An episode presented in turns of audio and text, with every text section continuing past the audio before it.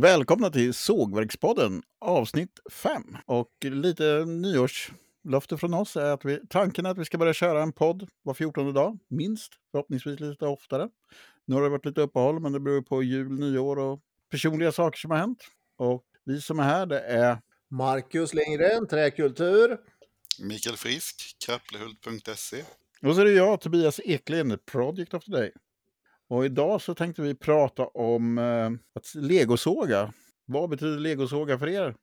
Ja, alltså, jag övertog ju en eh, mobilsåg för eh, lite drygt eh, ett, två år sedan är det nu. Och eh, då har jag börjat åka runt och såga en hel del hos, hos kunder. Tidigare har jag mest sågat för, eh, för egen konsumtion, det virke som jag behövt i firman. Jag har sågat väldigt lite åt, eh, åt kunder. Nu eh, har jag en lite större bandsåg, en Woodmeiser LT70, som jag åker runt och legosågar åt eh, skogsägare som har avverkat lite virke och vill förädla. De behöver lite, lite plank och brädor, ibland lite timmer och fyrskäringar på, hemma på gården och då ringer de och vill ha hjälp att såga. Så att för mig är legosågning och fara ut till kund, såga på plats, man lämnar bakarna, man lämnar spånhögen och sen åker man därifrån och slipper all städning. Så att jag tycker det är jättebra. Mikael, du har ju också legosågat en hel del. Vad, eh, Ja, förr hade jag ju en eh, mobilsåg som jag kuskade runt med. Eh, kul, komma ut, träffa folk, se vad de har för projekt. Nu kommer folk till mig istället. Jag har en stationär såg då, men jag legosågar en del fortfarande, men inte så mycket nu. Eh, det var mycket mer för några år sedan. Jag behöver mitt egna virke nu, så jag sågar mest åt mig själv faktiskt. Men eh, trevligt oftast. Ja, jag har ju själv också satsat i år, på, eller i år säger jag, förra året på att verkligen komma igång och legosåga. Jag har gjort det innan också, men förra året var väl det jag tog steget upp och verkligen försöka satsa lite mer på det. Och jag vet inte hur många dagar jag hade legosågning förra året. Kan det ha varit 50 dagar, 60 dagar någonting jag var iväg och sågade runt på olika ställen. Något sånt tror jag. Och jag åker ju runt med en mobilsåg också. Det är väldigt lärorikt faktiskt. Jag gör det ju framför allt för jag vill hålla mina sågkurser och få utmaningar och lära mig nya saker. För det blir ju olika saker hos varje kund. Står man hemma och sågar på sin gård så är det ju oftast ganska samma varje sågdag. Och det är det ju definitivt inte när man är ute och legosågar. Nej, då gäller det ju att eh, man, ofta så kommer kunderna till mig med en, eh, en hög med, de har ju en hög upplagt med timmer och sen har de ju en lista på vad de, vad de vill ha för någonting. Deras önskemål och sen är det ju inte alltid som att de här önskemålen stämmer ihop med dimensionerna som finns på virket i högen. Ofta så kan de ju komma och vilja ha eh, kärnfura av eh, ganska frodvuxen tall. Eller till och med av en grad.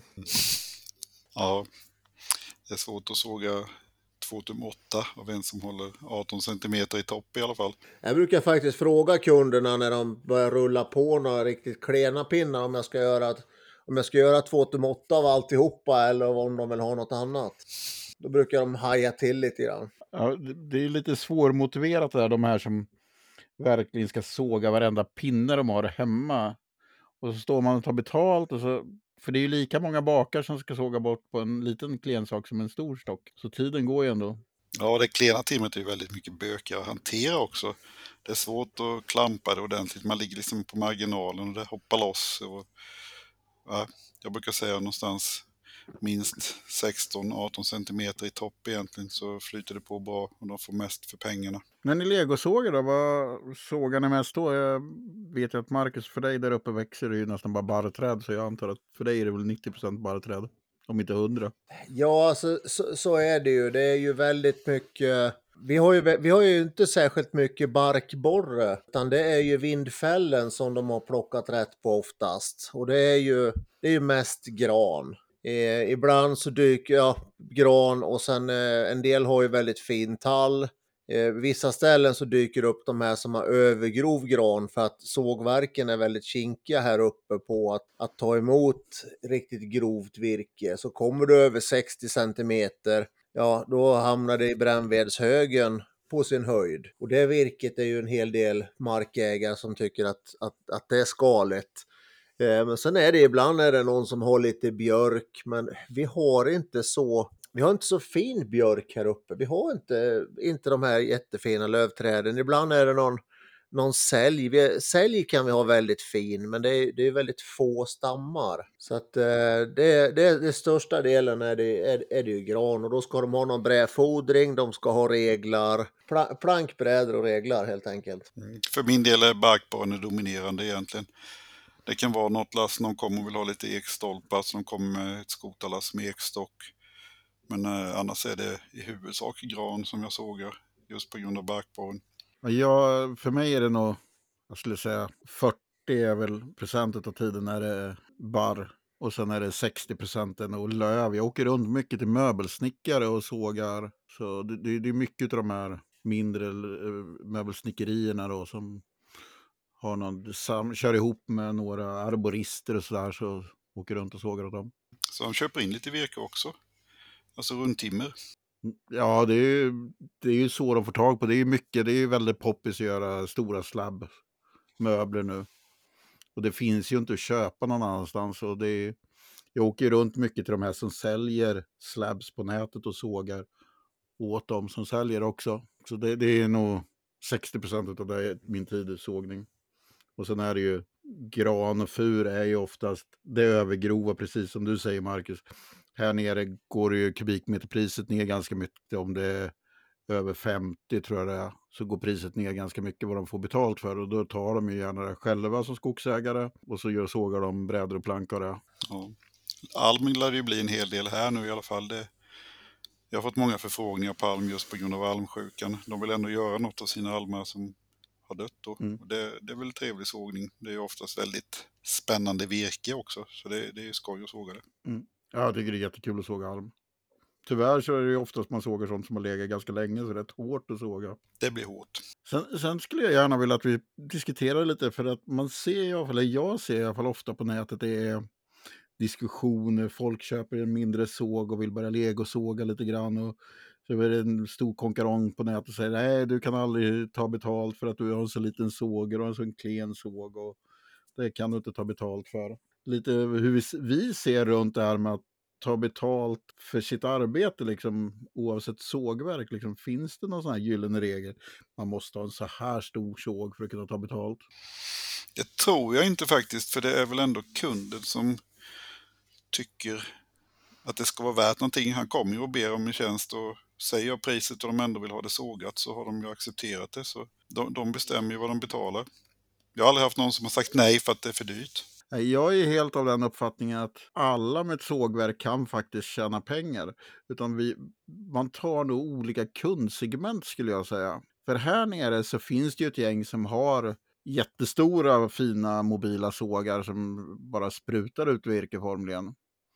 Men de åker inte till en kund om det inte finns 100 stockar plus. Då, de, för dem är det inte lönt att åka ut då. Och jag åker oftast någonstans till kunder som har 25 till 50 stockar, för jag har ju halvstort sågverk. Och det finns definitivt en marknad för de mindre sågverk för de här som kanske har en, två, tre, fyra stockar och vill ha sågade. Det är liksom olika kategorier. När tycker man det blir värt att åka ut till kund? Jag, jag tror det handlar mycket om det mer. Än hur Ja. stort och förlägset sågverk man har. Har du fem stockar som du sätter ett eget högt värde på så kan du Mm. ta betalt för det. För, för kunden har ändå valt att få dem sågade och han ser mervärdet i de här pluttarna som man ska såga upp. Så det är väl bara att köra på. Och, och det är ju ingen som har en sågverk för en halv miljon som är intresserad att komma och såga fem stockar. Det beror ju på vad det är för stockar och vad det är för dimensioner. Men klart, Jo, ja, men om- normaldimensioner så är ju, är ju fem stockar det är inte särskilt lönsamt att åka och såga. För jag menar, man måste ju, jag vet inte, jag tar ju betalt både för resan dit och sen tar jag en uppställningskostnad och sen tar jag för timmarna. Så att eh, det är ju, det är som ni säger, det är ju upp till kunden vad han är villig att betala.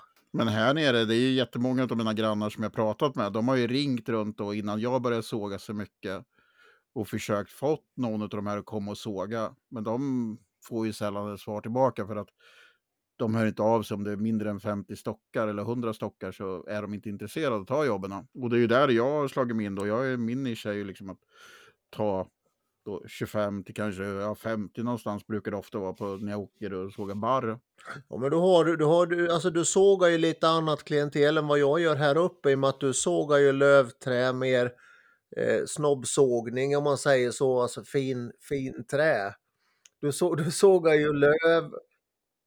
Ja, men alltså du sågar snickerivirke och löv. Jag sågar byggvirke. Det blir ju, det blir ju en typ av snobbsågning. Ja, men det är ju samma när jag sågar. Alltså jag sågar ju, när jag säger 25 till 50 stockar, det är ju när jag sågar barr.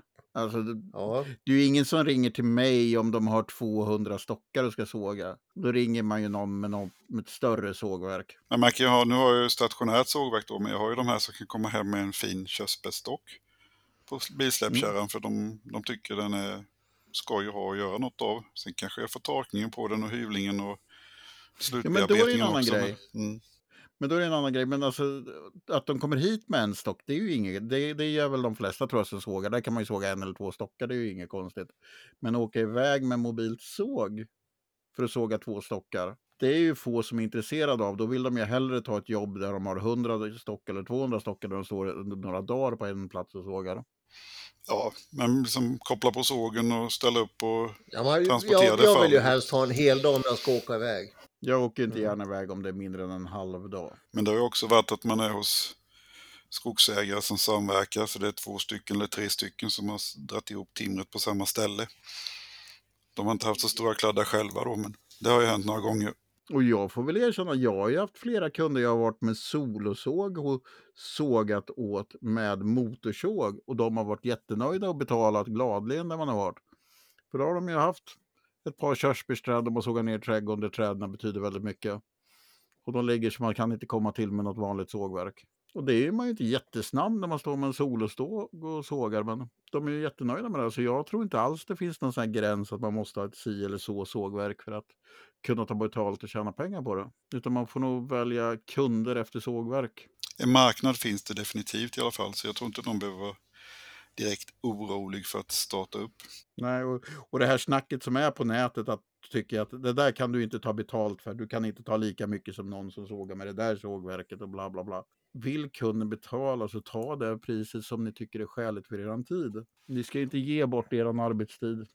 Det är mitt råd till alla som vill börja såga. Nej, men sen är det ju alltså, det är samma sak med legosågningen som, med- som med, med hantverkare. Om du beställer hem en, en snickare, köp, tar du en, eh, en eh, som kommer och ska såga legosåga åt dig som kanske inte har sågat så många stockar i sina dagar. Då går det ju mycket långsammare, det tar längre tid, det blir mer tokigt. Och det är samma sak som du tar hem en snickare som inte har jobbat som snickare så många år. så de är ju inte lika snabb så att det är ju upp till kunden att hitta en hantverkare eller i det här fallet en sågare som, eh, som är duktig att såga. Ja, absolut. Och bero, alltså det, och det, det, där är det ju svårt. Ja, framförallt så är det väl svårt också för kunden om man lämnar därifrån och ett halvår senare när virket börjar torka så är allting propellrar för det var någon som inte kunde läsa stockar. Men det vet Ja, man ju ganska snart själv för då får man ju inte komma tillbaka. Har vi några mer tankar kring legosågning?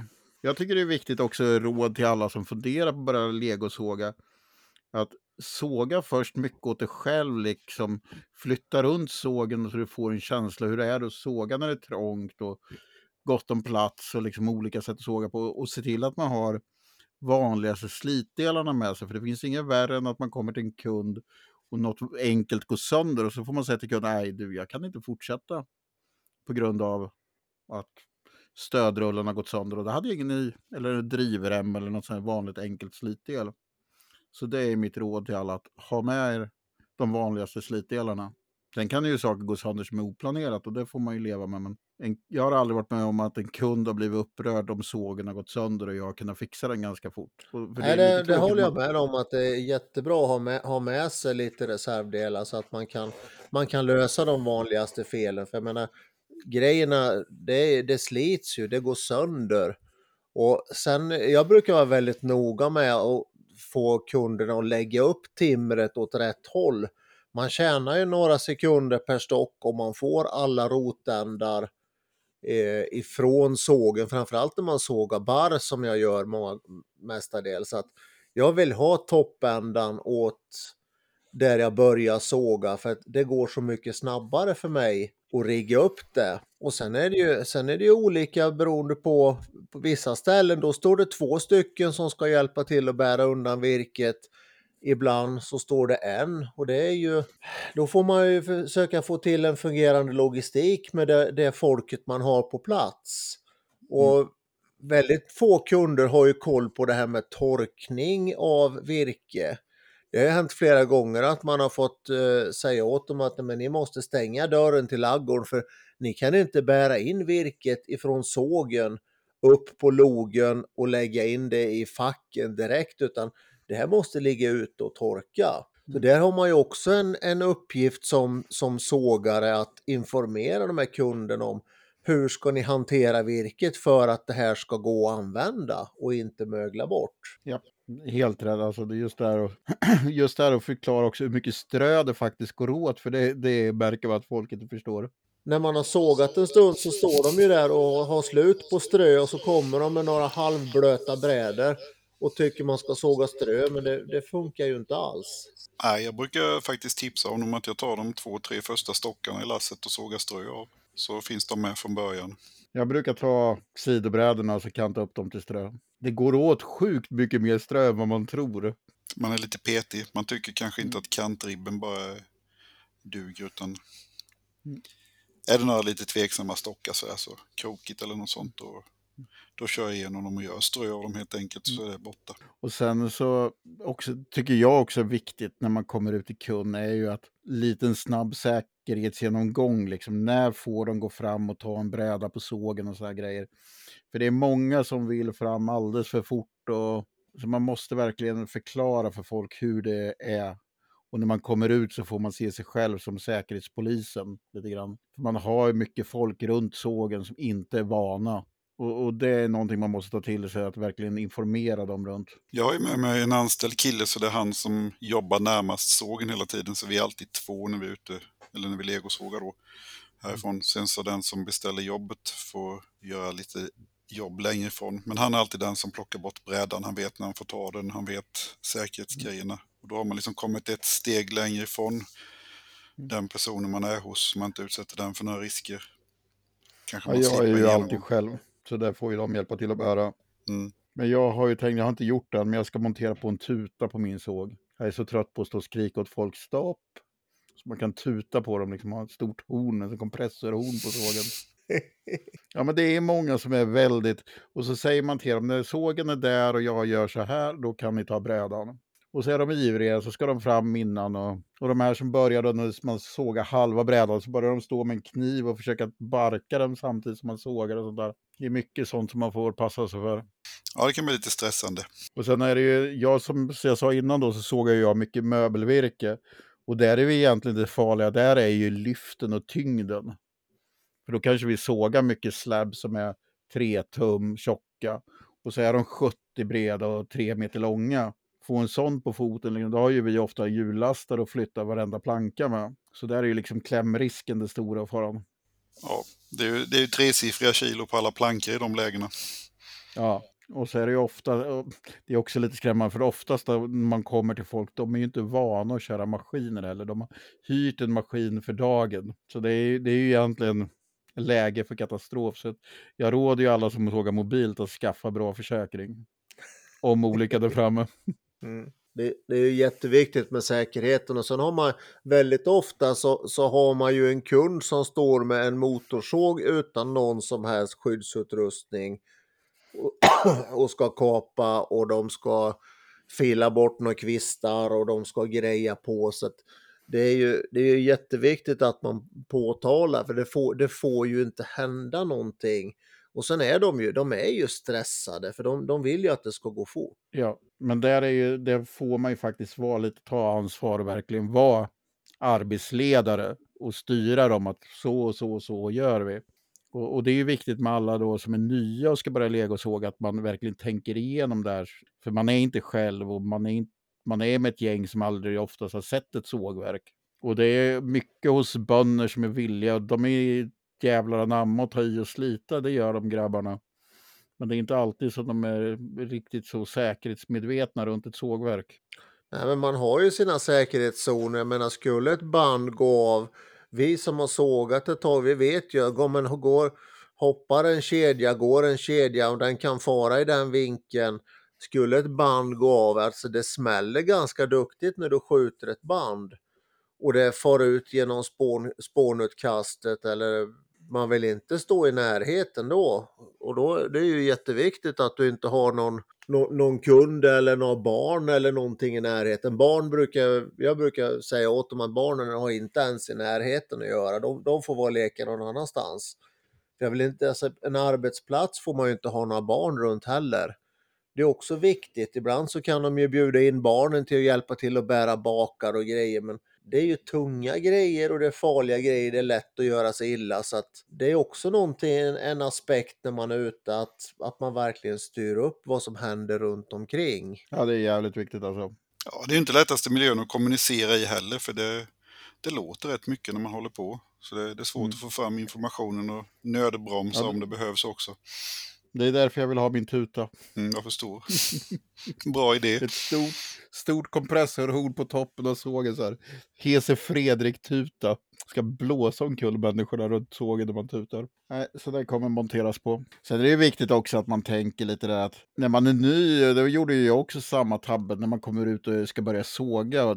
Så är man jätte jätteivrig hos kunden. Man tar i och sliter som fan och sådär och kör på som ett tåg. Men man är ju inte där för en sprint utan det är ju en mara. Man ska orka stå och såga och hålla på 10-12 timmar kanske på en dag. Så det gäller ju liksom att man håller ett bra tempo. Man klarar en dag utan att ta slut. För Sen ska man ju hem och så ska man ju upp och åka till någon annan kund dagen efter och då får man ju inte vara helt död när man kommer dit. Så det är också tycker jag är viktigt att man håller ett tempo som man klarar av flera dagar i sträck.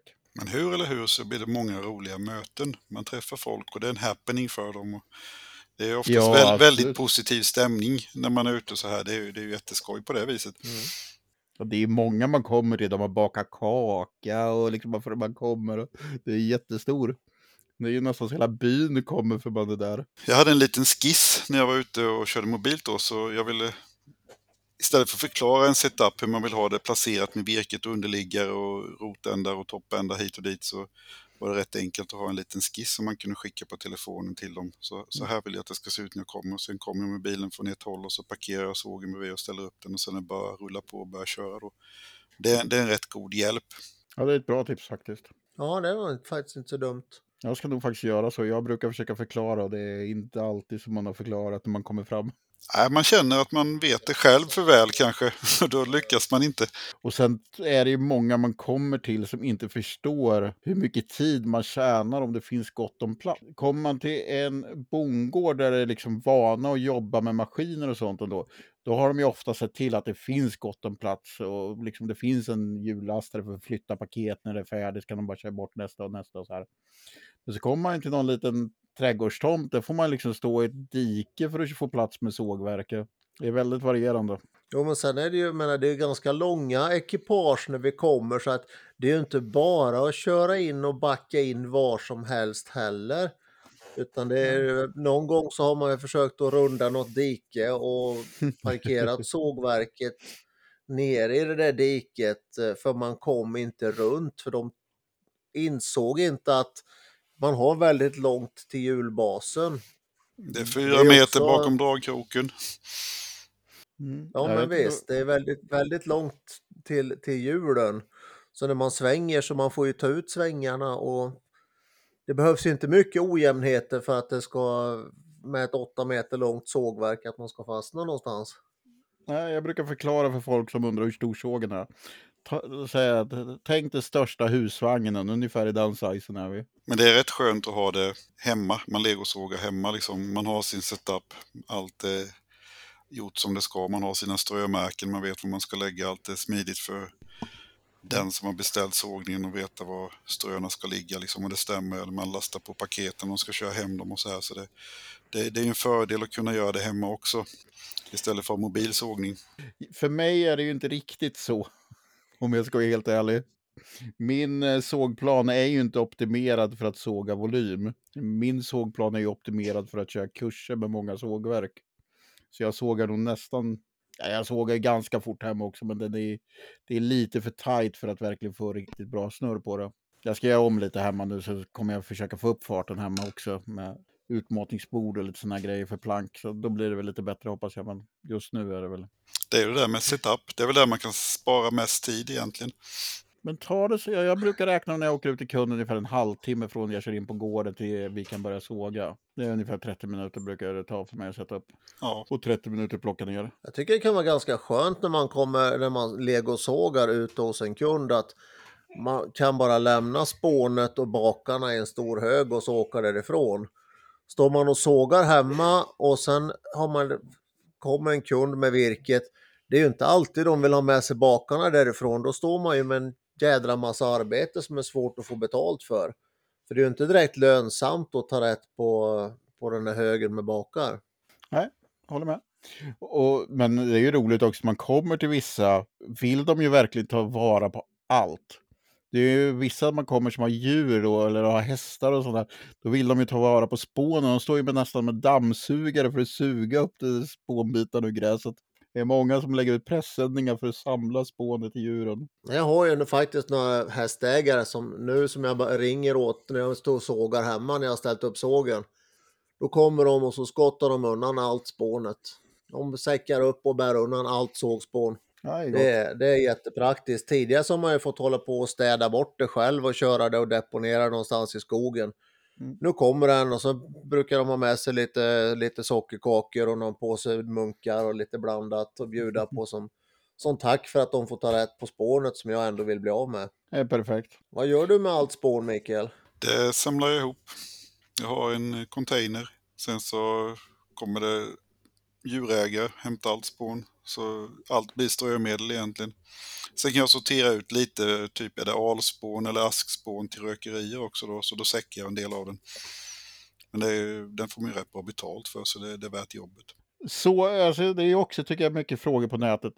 En del hävdar då att man ska såga och ta betalt per löpmeter. Och andra säger att man måste, för att vara ärlig mot kunden, såga på fast pris. Och en del säger timme. Jag själv tycker ju att det mest ärliga mot kunden är att såga per timme. För att eh, ska man såga på fastpris eller löpmeterpris så måste man ju ta höjd för allt strul och som kanske sker som oftast inte sker. Det, det är min syn på det och jag säger till alla kunder eftersom jag sågar mobilt så är det ju det är ju inte sågsnitterna i sig som tar tiden utan det är ju hanteringen runt sågverket och den styr ju inte jag över. Jag vet inte, hur gör ni? Sågar ni fastpris eller timma eller?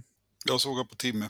Ja, jag sågar också på timme. Det är ju som du säger, det är ju logistiken runt om. Jag menar, ibland har du två stycken ungdom, eller yngre människor som, som bär undan, eller är väldigt arbetsföra, som bär undan plank och brädor så att det alltid är tomt, så är det ju en väldig skillnad.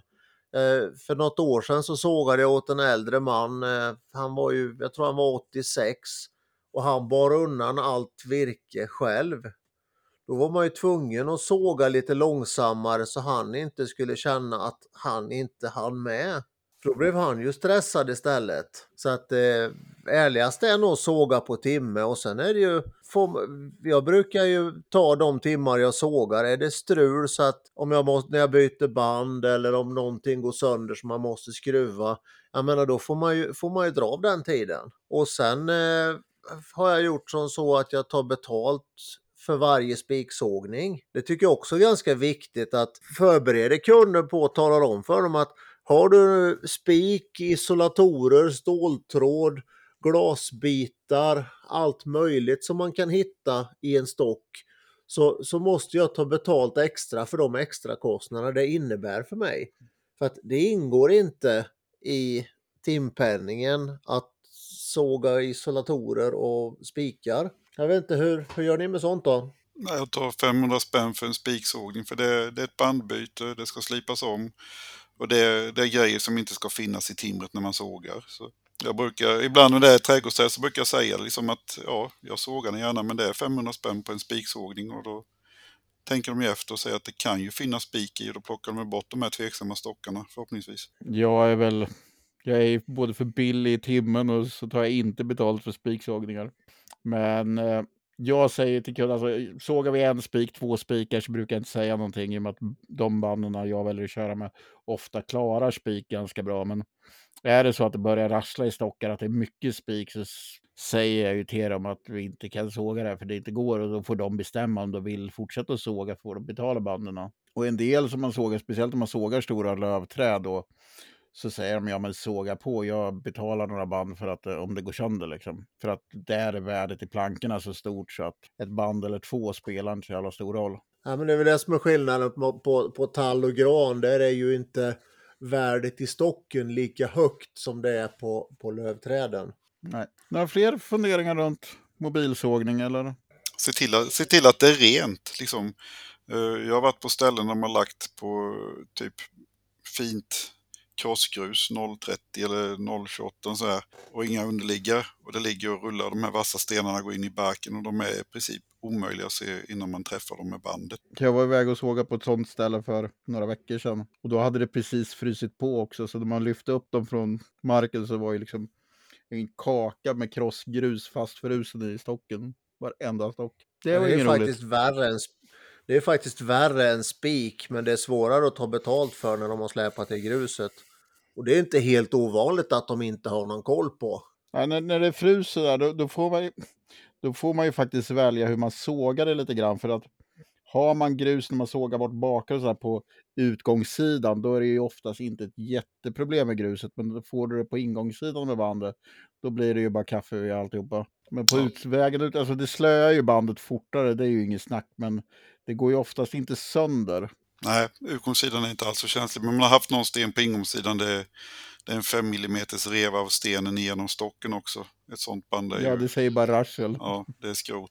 Så jag försöker ju se då att de fryser fast eller mycket sten i hos kund. Så lägger jag ju, då sågar jag ju den på, kanske inte på optimalt sätt för att få bort spänningar, utan då blir det ju så att man får optimera för att inte såga sönder banden lite mer och så tar man fram ett block och så ställer man blocket på ett sånt sätt för att ta bort spänningarna. Men då får man ju tänka mer på hur man sågar sina bakar. Jag har varit på något ställe, det har varit lunnat virke, men då har jag faktiskt åkt hem igen. Eh, allt var så skitigt så det, det var liksom inte idé att börja tänka ens på sågade då. Ibland mm. har jag faktiskt eh, bara lyft några stockar över sågen och rullat över dem på andra sidan och sagt att det här vägrar jag såga för det är för mycket grus i, i virket. Det har, hänt, det har hänt flera gånger så att man kan ju ibland så måste man säga ifrån för, för kunden ser inte själv att oj då, jag har släpat den här i gruset eller jag har lunnat fram den eller dragit den i diket eller den har legat här i, man har haft ett, ett upplägg och sen har man kört med snöslungan och blåst, blåst snö och sten över så att det, det ligger fullt med grus i, i virkeshögen. Alltså ibland får, ibland får man ju säga åt dem att antingen så tar ni barkspaden och barkar allting eller så, så, så sågar jag det inte för det, det, det är sten i barken och det, det förstör ju banden totalt. Ja, ja, jag borde kanske bli lite hårdare än vad jag är tror jag. Alltså det blir, man, man förlorar ju så pass mycket intäkt på att, att man kör sönder banden för att det, de, det är ganska dyra grejer och det, kostar ja, ja. ju tiden man ska, man ska byta dem och det kostar ju att slipa dem och sen har du kört sönder dem för mycket men då är det inte mycket att göra åt och det är bara att skrota skiten.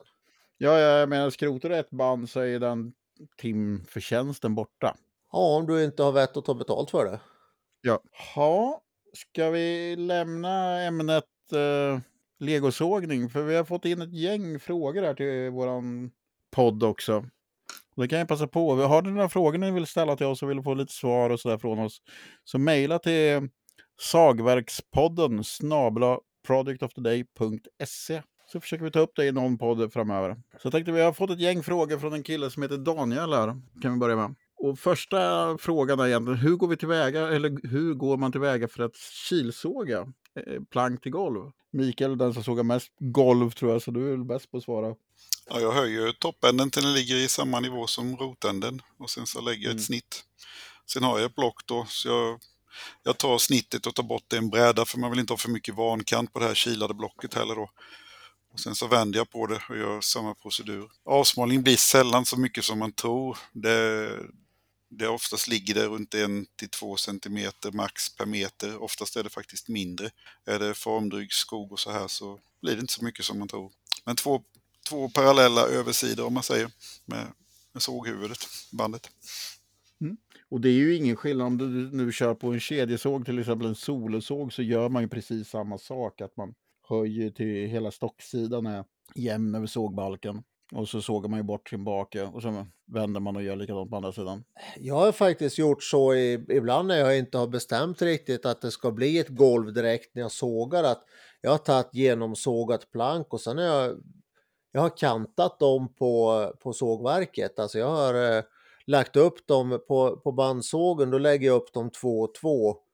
För då kan man väldigt mycket enklare styra eh, hur man, för, för kantar man på sågverket då, eh, då kan man direkt köra dem i hyven eller fräsen direkt efteråt. Att jag, jag tar torkat plank Mm. och torrsågar bort eh, vankanten på dem. Det, det tycker jag nästan är enklast att, jag menar, ska jag, ska jag göra golv, jag tycker det är enklare såga planken, oftast så lägger jag ett snitt i märgen och så tar jag en planka på varje sida.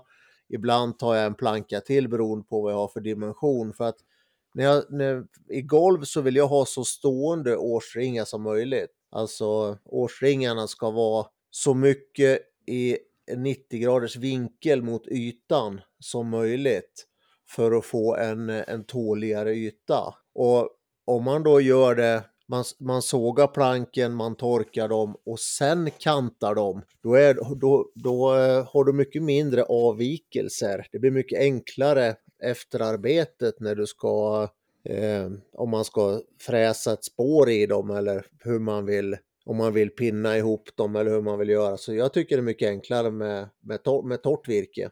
Jag har ingen åsikt i det här, utan jag, jag hade nog gjort som Mikael. Eller också hade jag kommit på i efterhand och har en massa genomsågat så hade jag gjort som Marcus. Så det, det är nog...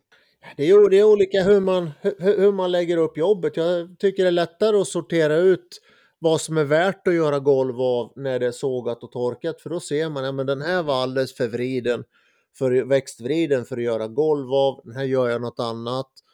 Och den här var eh, för ojämna årsringar, den här har spruckit. Alltså det, är- det är lättare att sortera torkat virke tycker jag. Jag gör ju så oftast precis som du Marcus säger, att om jag inte riktigt vet riktigt vad jag ska såga så genomsågar jag ganska mycket och kantar efteråt. Och då funkar det Mm. ju jättebra. Men hade jag då planerat att jag skulle såga golv och det här så hade jag ju nog gjort som Mikael. Vi kantar ju för mycket kilsågat också. Är det grovt timmer och de har bestämt sig att ibland kan man ju få göra kilsågat men man får gå in rätt långt från mantelytan på stocken då. Det kan ju vara tallar som är över 60 i diameter där och så kanske de inte vill ha golvplankorna bredare än 30 centimeter mittmätt för att de vill inte lira för mycket med för, för breda plankor då. Men då brukar jag ju storlekssortera eller breddsortera de brädorna som man tar bort där och kanta dem kanske fem sex stycken åt gången då efter storlek. Yes, då tror jag att han har fått svar på sin fråga. Nästa fråga har jag fått in här. Eh, vad ska man tänka på att välja en bra eh, slip till band, en bandslip? Och jag är nog tyst för jag har en bandslip men jag skulle inte klassa den som bra. Jag vet ju ungefär vad man ska titta på eftersom jag håller på att titta efter en ny bandslip själv så har jag börjat inventera marknaden rätt mycket. Men vad säger ni två? Ni kör väl Woodmice bandslipar bägge två? Ja, jag gör det i alla fall. Jag vet inte vad du har Marcus. Men... Ja, alltså jag har ju fortfarande den förra ägaren och sågen som, som slipar åt mig så att det, är- det är en Woodmeister-såg, eller Woodmeister-slip med eh, CBN-skiva. Eh, så att jag, jag lämnar banden till honom och så får jag tillbaka dem slipade i en låda. Så att eh, det, det är det enklaste sättet att, att få banden slipade, det är att lämna dem till någon annan kan jag säga. Men egentligen kan man väl säga det, det finns ju två typer av bandslip. Det ena är ju att du har en profil, en skiva med en fast profil i egentligen som går, bara går ner och upp i varje tand. Och då är det CBN-skivan som har just profilen. Eller också har du en maskin som har en lite rakare skiva som följer profilen. Och de kan man då ställa lite olika profiler på. Så det är väl egentligen de två kategorierna av slipningmaskiner som finns. Och sen vilket som är bäst är väl svårt för mig att uttala mig om i alla fall. Det där handlar om tycke och smak. Sågar man alltid samma bandtyp så man inte behöver byta skivor hela tiden så är väl en fast profil är väl antagligen lite snabbare gissar jag på. För den går bara ner och upp. Den är väl enklare att justera framför allt för att man bör, man bör ju slipa bandbotten för att undvika sprickor och sånt här. Så det är ju jätteviktigt att, att man har rätt skiva till rätt, rätt band. Jag kör ju bara med CBN-skivor. Jag har två olika då med olika tandvinklar på. Men eh, de stämmer ju till de flesta tanddelningar. Det är inte så stor skillnad. Det kan jag ju mm. justera på mataren där då. Men eh, jag kör med samma. Jag kör men det är olika profiler egentligen på tandbotten liksom. Och då måste man ju CBN-skiva om du ska fastna den på fast. Där behöver man väl ha en speciell skiva för att passa den profilen. Ja, men oftast är det inte så stor variation på just tandbottnarna så man kan skicka bandet ett varv extra ofta så har den slipat ner så den kommer till tandbotten i alla fall. Så de har liksom slipat om ett band som är av annat fabrikat.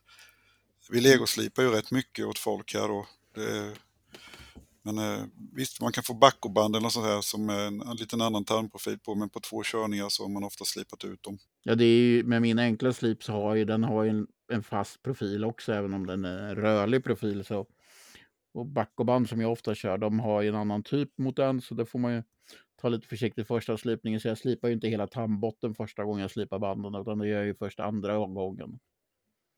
Just av den de, de, de tål ju, man behöver liksom inte gå ner i tandbotten första gången. Men sen när man har kört banden och de har, har motionerats lite på bandhjulen så tycker jag det, det viktigaste för att förebygga sprickor det är som Marcus säger, det är att verkligen slipa ur i botten på dem. Det, det är där alla cracks börjar. Men samtidigt så beror det också numera mycket på vilka band man sågar med. Alltså äldre band har teknik som fanns för kanske 5-10 år sedan som var vanligare och vissa märken kör fortfarande med det.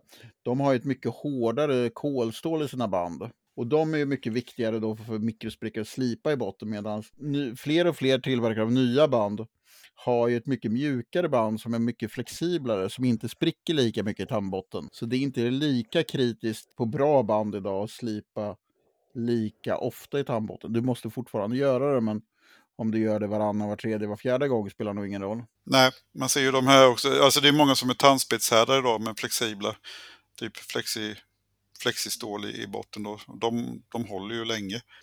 Det, det man märker på flexi, flexibanden eller så, det är väl att de är lite mjukare i stålet i tandbotten. Det blir lite mer råägg på dem.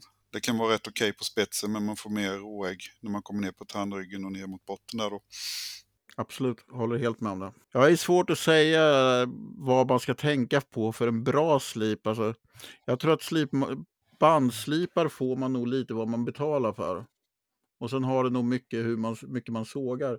Sågar man inte så mycket så kanske det är bättre att lämna bort banden istället för att lägga 20-30 tusen på en bandslip. Ja, och jag tror det viktigaste är att man inte tar för mycket liksom som man värmer banden. Utan mm. kör lite och ofta istället. Så... Ja, och framförallt se till att inte skivan gnuggar för länge liksom, så det skulle bli brännmärken i bandet. Utan mm. snabba rörelser, det får inte stå gnugga på för länge där, alltså, utan det, det, ska ha ett visst tempo för att det ska bli riktigt bra. Vi har även fått då en kommentar här. Kanske ni inte får eller kan rekommendera ett specifikt sågverk. Men står i valet äh, mellan en såg i 50 till 70 000 kronor. Vi väljer mellan Lagosol B751 och Woodmarks LT15 start. Uh, och här, alltså, vi får precis säga vad vi vill och vi är ingen som kontrollerar något vad vi säger utan det är upp till oss. Men vi har väl sagt lite grann att hålla oss borta från att rekommendera något specifikt sågverk. Utan det är så mycket personligt i vad som passar dig. Visst, vi kommer säkert under poddens gång säga att det här gillar vi eller det gillar vi. Och, vi, vi ska inte bli för märkesbundna åt något håll, hade vi sagt i alla fall. Jag vet inte vad ni andra håller, om ni håller med om det. Oh. Men generellt, Nej, men köp, väl, köp kilon. Brukar jag säga köp det som är tyngst, liksom som har mest ram, som har mest stomme som bandhjulen hänger i och så, så brukar det gå bra. Jag brukar säga att eh, titta på enkelheten att såga. Jag är mycket för att det ska vara smidigheten i sågningen. Ja, men det, det är som vi diskuterade redan i första avsnittet. Det är ju lite grann, vad, vad ska du ha sågen till? Hur ska du använda den? Och sen är, sen är det det här, menar, det är personkemi. Jag menar, jag kör stil motorsågar för att jag har en jättebra serviceverkstad som hjälper mig att serva stilsågarna. Har jag, har jag ett problem på sågen, ja men jag far in på, på den här eh, handlaren som jag handlar mina motorsågar. jag får den fixad på en, två dagar om det är en, en service med förgasare, slangar, alltså vad som helst. De fixar delar åt mig. Så att jag tycker det är viktigare att man, att man väljer en leverantör där man ser att man får man får servicen man vill ha. Jag har haft jättebra service av Logosol och jag har haft bra kontakt med, med Woodmice när jag behövt de grejerna. Men sen, sen är det ju pe personkontakter. Jag menar, hade jag bott nära Tobias då hade jag inte tvekat och köpt ett sågverk av, av, av honom och se till att få den servicen. För det, och det, sen är det ju, vissa, vissa vill ju ha hur mycket hjälp som helst och service och andra klarar sig själva. Så det är mycket personkemi med den man köper sågen av. Ja. Det, det, blir, det blir ju, det är jättesvårt att rekommendera ett, så, ett, ett modell av sågverk utan att, för jag menar vi, vi har ju olika uppfattningar. Ja, absolut. Yes, men som sagt var, det, det finns ingen som har några åsikter i den här podden vad vi säger, utan det är helt och hållet våra egna tre huvuden. Ja, vi, vi försöker vara opartiska. Jag menar, jag, jag har två olika sågmärken som jag använder dagligen. Jag kör både Logosol och Woodmeister och ja, jag, har också två märken. någon annan att, ja, du har ju ännu fler olika sågmärken Tobias. Nej, jag har faktiskt bara två. Jag kör Woodland och jag kör Logosol. Ja. Sen kommer då nästa fråga. Vad ska man tänka på när man pla planerar såghus? Dimensioner, utrymmen runt sågen, hantering av spån, storlek på öppning, höjd. Alltså det där är ju hur långt ett snöre. Ja, men det, det, det där tror jag vi får ta i, i nästa poddavsnitt. Alltså, för jag menar, det, ska, ska mm. vi en sån fråga kan vi inte svara på så här kort. Nej, Nej vi har ju sagt vi har uh, lite avsnitt vi har planerat in och en är ju just hantering runt sågen. Vad ska man tänka på när man jobbar runt såg och hantering av allt runt. Och mm. då passar ju den frågan bra in i det avsnittet. Ja, vi lämnar en liten cliffhanger på den tror jag. Yes. Sen har vi fler frågor. Det här var från en Ludvig. Han börjar med att smicker är ju alltid bra att börja med om man vill ha svar på sina frågor. Gillar din nya sågverkspodd skarpt. Kämpa på. Vi försöker så gott vi kan. Om man går i tankarna kring att köpa en Logosol F2 eller F2 Plus hur ska man tänka i eh, antalet stocklyftar? Och hur bör man använda dem smidigast? Eller när den tredje stocklyften verkligen kommer till nytta? Han funderar på om han då ska, han vill nog ha, som jag tolkar det, så funderar han på att han vill ha en fem meters sågbänk. Och då är frågan om man ska ha tre stocklyftar eller om man ska ha två stocklyftar, en halv meter i varje ände. Eller om man ska ha en meters förlängning i en ände. Jag säger, jag säger tveklöst tre stocklyftar. Ja, jag säger precis samma. Och då har, du, då har du möjligheten att ha en meter mellan två, de två första stocklyftarna. Då får du en helt annan flexibilitet i sågen. Och sen är det så här att det är först i slutet på stocken som du behöver använda alla tre stocklyftarna. Så att det blir inte så mycket vevande och, och, och eh, hanterande som många tror. Utan det är, det är bättre att ha och tre stocklyftare. Och sen kanske man ska ha en extra meterbit att den gången jag ska såga långt, jag menar då stoppar jag in en extra meterbit mellan de första två stocklyftarna så att jag har två meter mellan varje. Jag tycker det optimala är ju när man har tre stocklyftar, fem meter såg och sen har man en halv meters förlängning i varje ände för då har du liksom en parkeringsyta för elsågen mm. i varje ände. Ja, det, det, det, det, det håller jag med dig på. Att då har, då har man en parkering och en avslutning. Mm. Och vad gäller F, F2 F2 Plus så skulle jag välja F2 Plus alla dagar i veckan. Just för att den är så mycket enklare att plocka isär och ta med sig. Det är ju hur man använder den. Jag har ju, jag har ju tre stycken 4 meters bänkar F2 plus. Jag plockar ju isär de här och tar dem med mig. Jag kan ju frakta 12 meter sågbänk utan problem i min lilla Volkswagen Caddy om jag lägger sågbalkarna på taket och sen stocklyftarna in i bilen. Jag tycker inte det finns något så här solklart svar mellan F2 och F2 plus om man nu står i valet och kvalet. Det finns ju många fördelar med F2 plus, det är ingen snack om saken. Framförallt så är ju hela klinkan, alltså det klicket, hur den höjningen, hela den utformningen är ju mycket stabilare och bättre byggd i, på plussen än på den vanliga. Men den funkar fortfarande väldigt bra på den vanliga. Och skulle jag inte såga jättemycket och framförallt inte såga något grövre så hade jag nog nöjt mig med en F2. Skulle jag däremot såga en hel del som kanske är 50 plus, då hade jag nog valt F2 plus just för att stockarmen går ut längre så det går bra att spänna lite grövre stockar på dem. Det är svårt att spänna gråa stockar på F2. Mm. Vad säger du Mikael? Skulle du välja F2 plus eller F2? Jag har inget svar på det faktiskt. Är det en maträtt säger han. Mm. Är det en maträtt? Sushi. Vad säger ni pojkar? Vi är uppe i en timme. Ska vi avrunda? Ja. Hur mycket orkar en stocklyft? På en solosåg. Jag har för mig att jag har läst att det är 500 kilo per stocklyft på F2. F2 plus vet jag inte vad den tar. Men sen så 800 pratade jag med, sen pratade jag med Bengt-Olof och han sa att det är en hyfsad felmarginal. Alltså felmarginal på dem. Men Mm. de säger 500 kilo. Jag har för mig det är 500 kilo. Jag ska inte svära på det utan läs manualen. Men jag tror det är 500 kilo per stocklyft. Och har man tre då, då är det 1500 kilo. Och det är ju en ganska bäsig stock alltså. Ja, men då kanske vi skulle börja avrunda. Men som sagt var, dela gärna podden mellan era vänner så vi får lite underlag för att fortsätta med den. Vi tycker det här var sjukt kul. Eh, har ni frågor, mejla till oss. Länk eller mejladressen finns i beskrivningen nedan. Och till nästa gång, ha det gott. Ha det gött! Hej då! Välkomna! Välkomna! Skulle vi inte vara välkomna?